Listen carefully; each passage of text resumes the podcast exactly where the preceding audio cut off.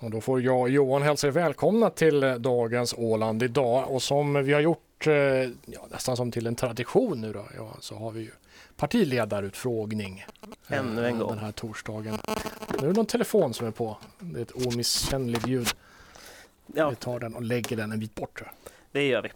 Eh, hon är första vice talman. Hon kom in i lagtinget 2003 med 163 röster, varav hela 41 från Brände och 15 från övriga skärgården.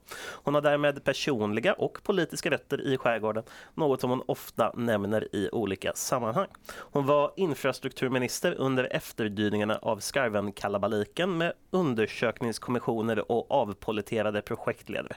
Hon är född 1962 och brukar sommarjobba som sjukskötare i Sverige.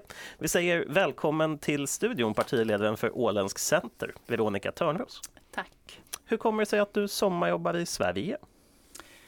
Jag, jag valde ju sjuksköteryrke förrän jag kom in på den politiska banan och, och jag tror att det är väldigt nyttigt att, att lämna lagparagrafer och förordningar och, och långa möten och ge sig ut i verkligheten och, och se att hur, hur är det nu det, det riktiga livet, det som vi lagstiftar om.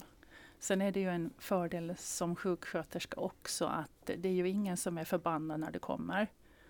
Eh, Och de är, de är ännu gladare när det går än när det kom, för de har fått hjälp med någonting.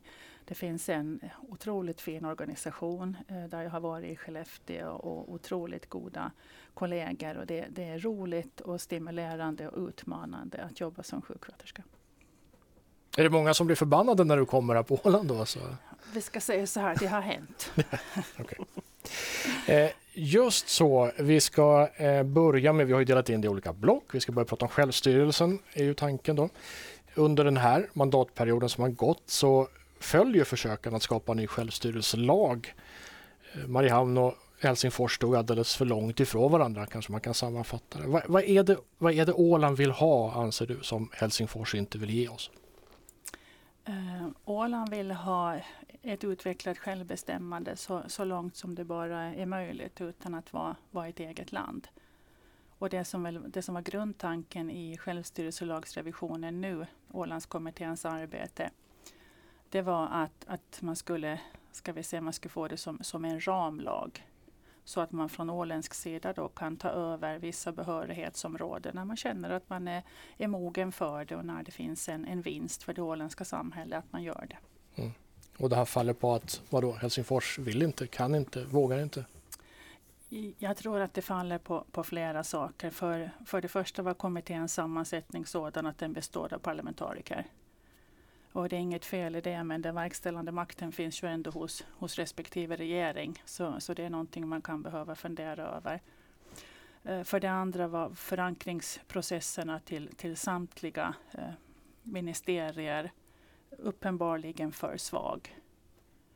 Eh, och sen också det, det politiska, som tredje då, det politiska läge i, i Helsingfors med, med Sannfinländarnas framgång och Sannfinländarna med och de har ju aldrig sett riktigt med, med blida ögon på Åland och de särrättigheter som de, de tycker att vi har. Nu har du tillbringat eh, fyra år i opposition. här. Du har i intervjuer under den här tiden då pekat på de här frostiga relationerna mellan Åland och, och Finland. Eh, men om vi står på oss våra krav då?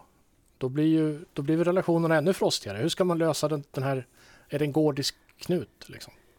Nej, jag, jag tror inte att det är en gordisk knut. men, men vi ska inte underskatta de som sitter i Helsingfors. De, de är helt vanliga människor, förnuftiga och kloka och pålästa. Och, och ingen av dem vill bli uthängd i media med, som man brukar säga det här uttrycket, med, med byxorna neddragna. Och sen följande då så, så åker man till Helsingfors då, då, då, då vill vi ha någonting igen. Jag tror att det är viktigt att i det, från det offentliga Ålands sida visa en, en tydlig linje, en bestämd linje, men inte en förolämpande linje. Vad man sen säger i ett slutet rum, öga mot öga, det, det kan vara Men är det, där, är det där regeringen har gjort fel då? Alltså? Man har varit förolämpande. Jag, jag säger inte att regeringen har varit förolämpande. Jag försöker förklara hur jag tror att man delvis kan lösa det här. Och sen är det också det att vi kan ingenting utveckla här på Åland som rör självstyrelsen om vi inte har Helsingfors med oss. Och det är också en av orsakerna till att vi från Centerns sida vill stärka vår närvaro i Helsingfors. Och inte bara där, ni vill ha ett eh, utlandskontor i, i Bryssel och ett i Stockholm. Ja. Det blir tre. Eh, vad, vad får det här kosta? Ska jag förklara det här med självstyrelsen först eller vill du byta spår? Jag tycker vi byter spår här så hinner vi med lite fler frågor. Då, då lämnar vi den. Mm. Eh, vi tror när det gäller framförallt exporten men även näringslivet så tror vi att Mälardalen, Storstockholm, eh, är ett bra upptagningsområde för oss. Eh, och de indikationer som vi har fått eh, visar att vi behöver också finnas fysiskt på plats. Det, allting går inte att lösa över nätet och med, med Skype-samtal utan vi behöver vara där och jobba. När det sen gäller Bryssel då har vi kanske en liten annan invinkel. Där, där hoppas vi att vi tillsammans med det privata näringslivet ska kunna skapa ett eh, lobbyingkontor kan vi säga. Där vi marknadsför och för fram Åland likt andra regioner gör. Till Mm. exempel norra Sverige. Men, men vad ska det här kosta? Vad får det kosta? Eh, Jag tror att eh, efter att vi, om vi får igenom det här i regeringsförhandlingarna, eh, så får vi sätta oss ner och fundera vad det kommer att kosta. Jag kan inte svara vad en tjänst kommer att kosta eh, exakt i Bryssel och hyra kontor eller hyra in sig hos, hos någon. Jag tror att, att kostnaderna kommer till att vara väl investerade i alla fall. Det är vad jag kan säga. Mm. Men då behöver vi en utrikesförvaltning då plötsligt. En utrikesminister. Jag vet inte om vi behöver en utrikesminister men däremot kanske det skulle finnas en, vi har ju en, en nordisk samarbetsminister som ju är vår, vår enda egentligen officiella eh, kontakt utåt. Så jag, jag tror att vi ska vara lite försiktiga med att tona ner att det här är en utrikespolitisk sak eftersom det inte är vår behörighet. Eh, däremot att tillsammans med det privata näringslivet lyfta fram Åland som, som destination och försöka skapa bättre möjligheter. Där torde det finnas ett lagligt utrymme.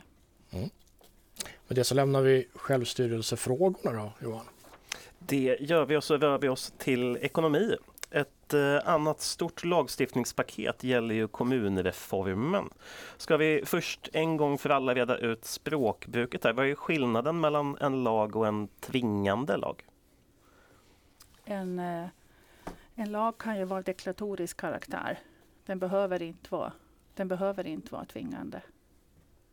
Det kanske inte blev så mycket klarare. Jag ser, jag ser i dina ögon en viss förvirring. Ja, inte alla lagar är tvingande. Ja, en, en lag kan ha till syfte att medvetandegöra någonting, att påtala någonting, att skapa möjligheter, men den behöver inte vara tvingande.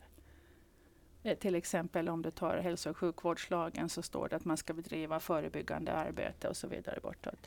Men det står inte exakt hur man ska göra det. Det finns liksom inte att det måste göras precis si eller så. Ja, men det står ju att.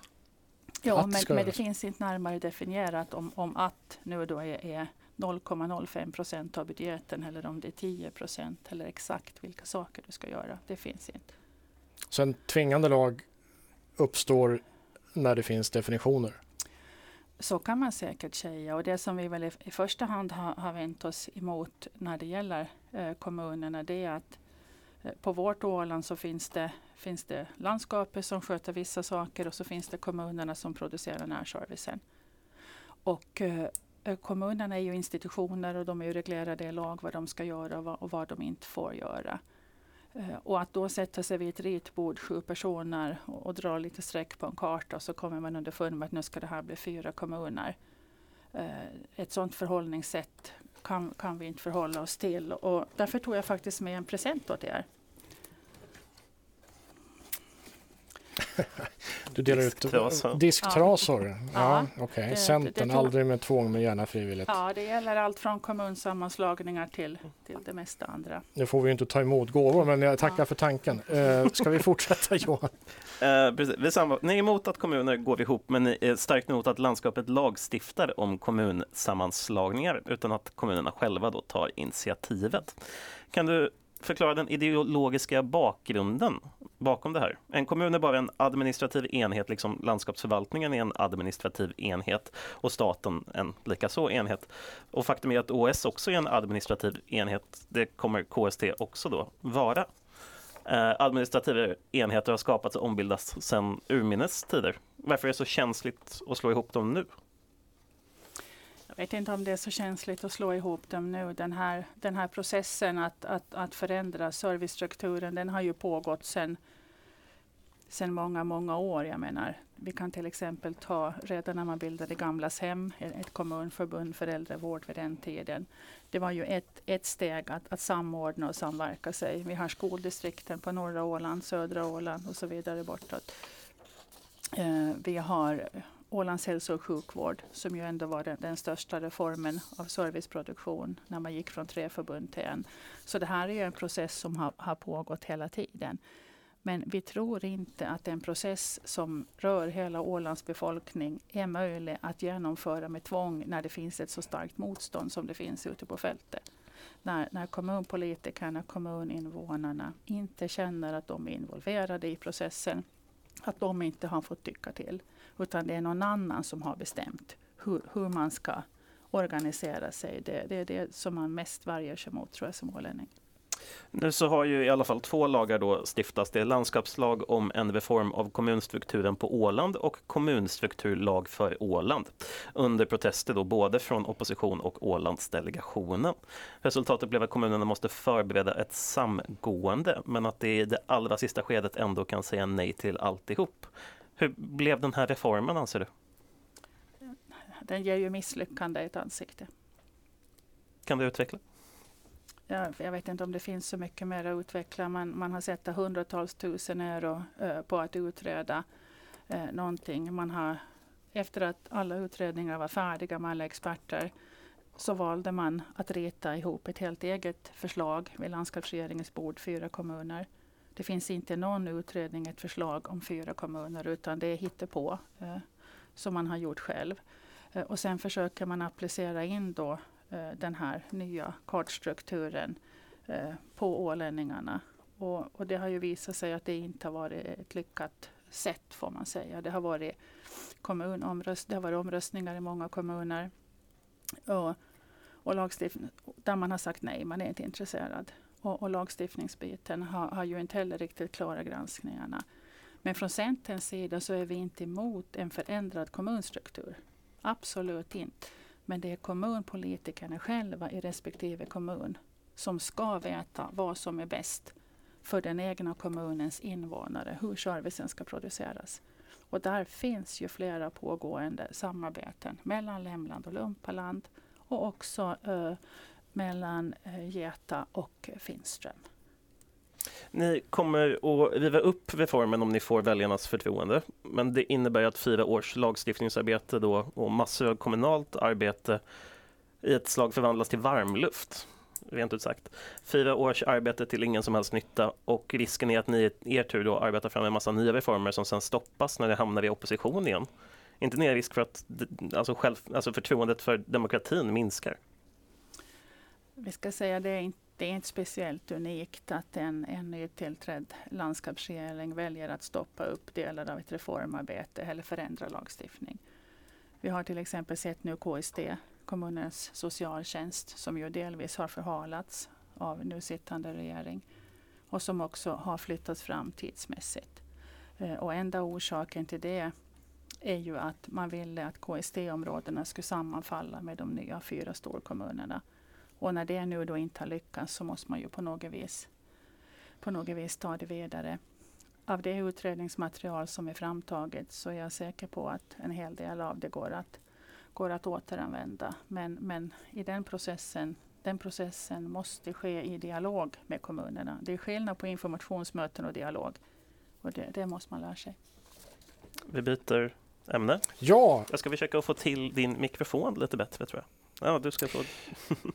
Medan du gör det så eh, kan jag berätta, vi försöker hålla, vi pratar ju om, om Nordenfrågor, Norden är viktigt. Vi har vår enda stora arena utrikesmässigt, det är ju Nordiska rådet, så det är ju viktigt det här.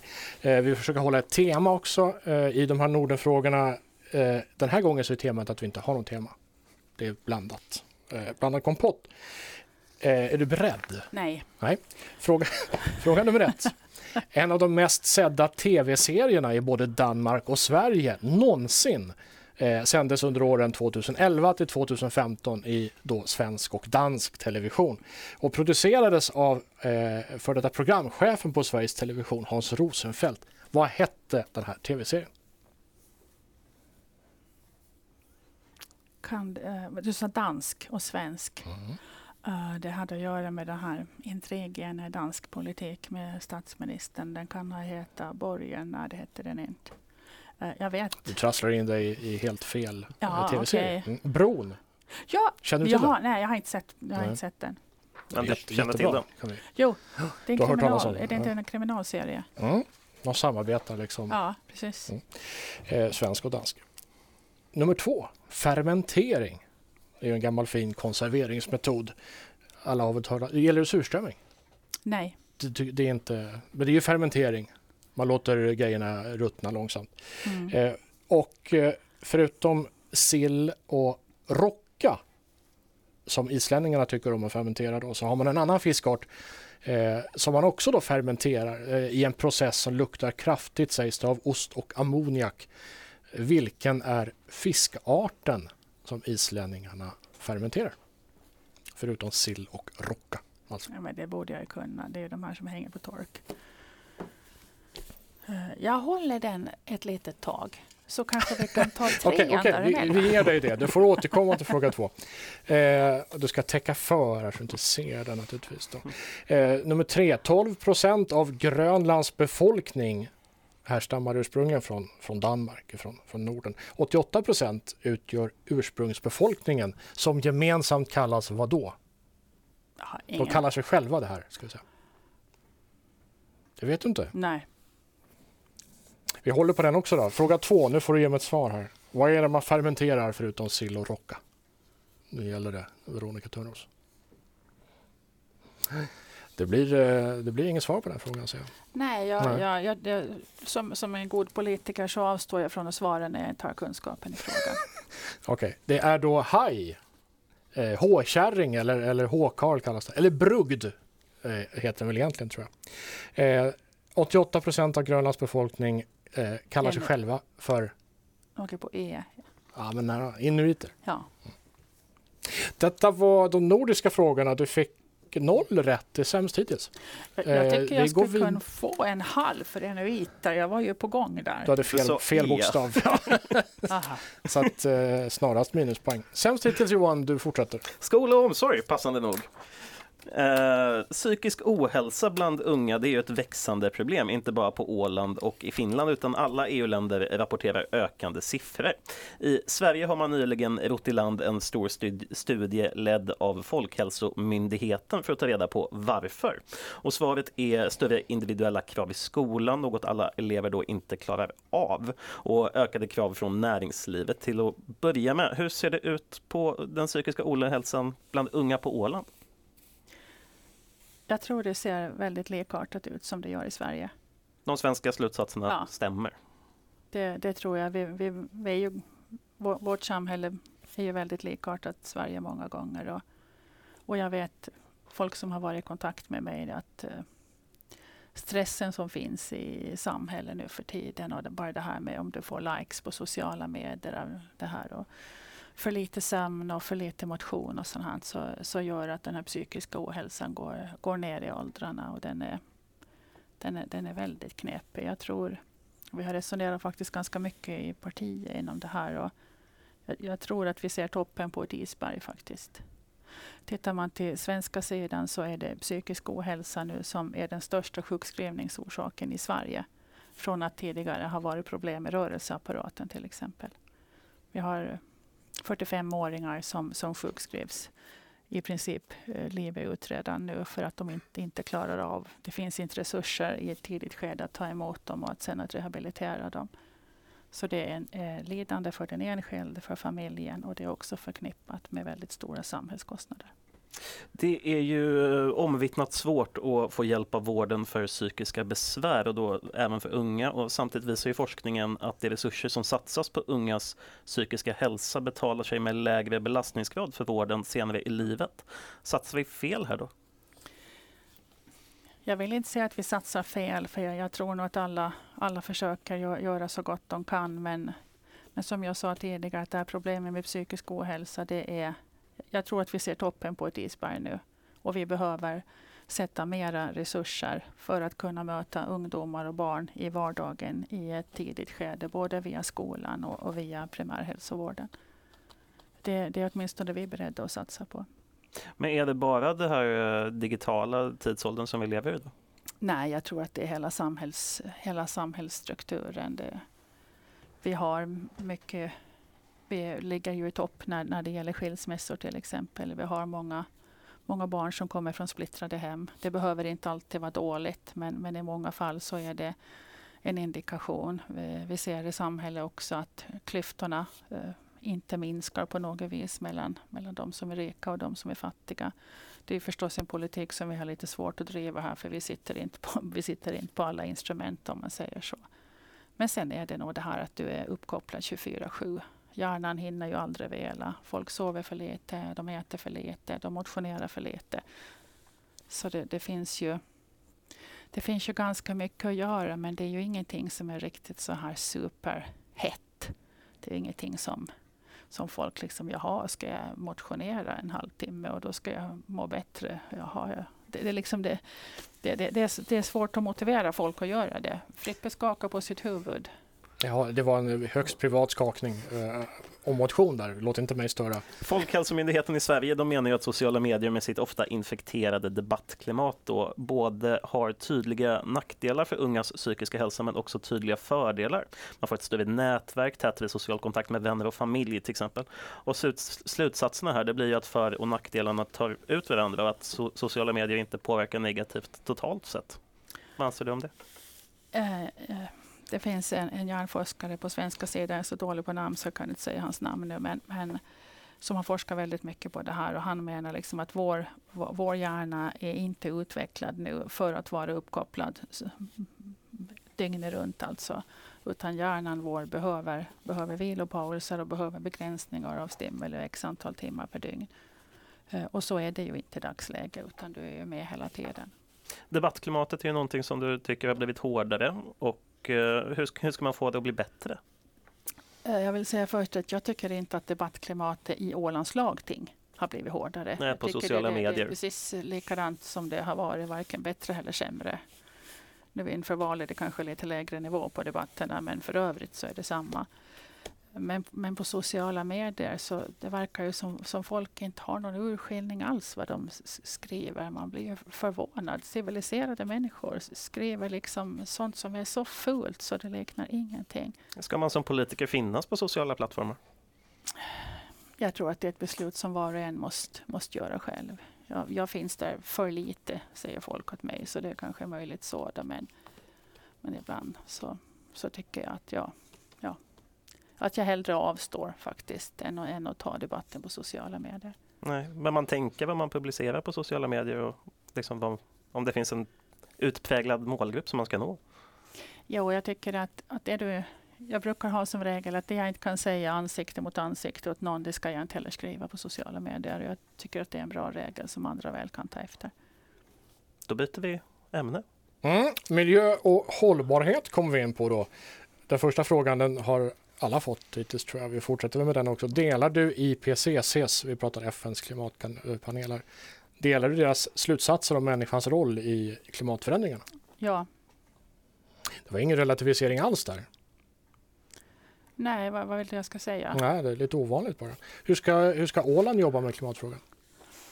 Jag tror att vi behöver jobba både med miljöfrågan och med klimatfrågan. Och när det gäller klimatfrågan så är det väl i första hand koldioxidutsläppen som vi kan arbeta med. Jag vet inte vad vi riktigt annars skulle kunna, kunna bidra med. Men rent praktiskt, vad ska Åland göra?